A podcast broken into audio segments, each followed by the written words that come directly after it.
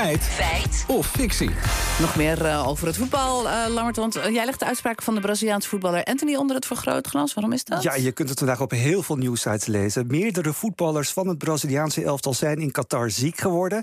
En Anthony, oudspeler van Ajax, die zegt... we hebben een griepvirus opgelopen en dat komt door de airconditioning. Zelf heeft hij onder meer last van keelpijn. Nou, stadions daar die worden met airco's flink gekoeld, dat weten we. Airco's die worden ook wel vaker gezien hè, als ziekteverspreiders. Ja. Maar kun je er nou wel of niet ziek van worden? Nou, dat wilden wij nu ook wel eens even weten. Dus we hebben Louis, Cro uh, Louis Kroes, viroloog bij het LUMC.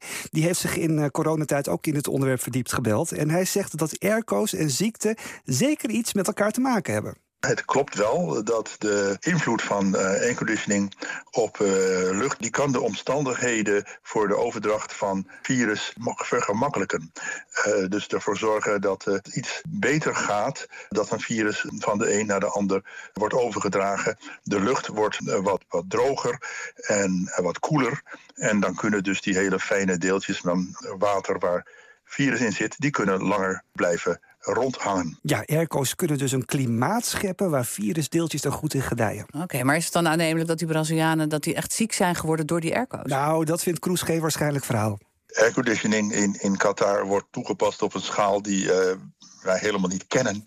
En ik moet zeggen, uh, dat wordt natuurlijk ook wel een, een beetje een vreemd verhaal. Dan zijn al die mensen die aanwezig zijn in die stadions blootgesteld aan die airco.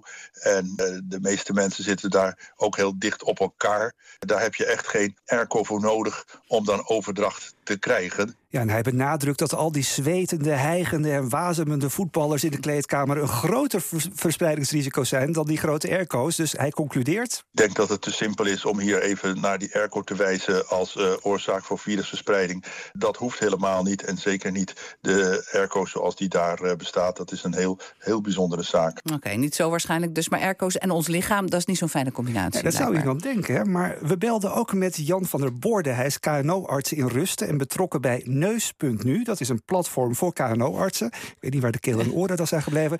Maar hij komt met een verrassende opmerking. In feite uh, heeft het lichaam ook een airconditioning. Dat uh, is de neus. Die zorgt ervoor dat de lucht die naar de longen gaat... in optimale conditie daar komt.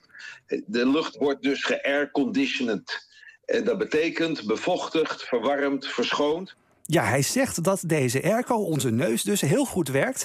maar vaak wel even tijd nodig heeft om zich aan te passen aan verandering van klimaat.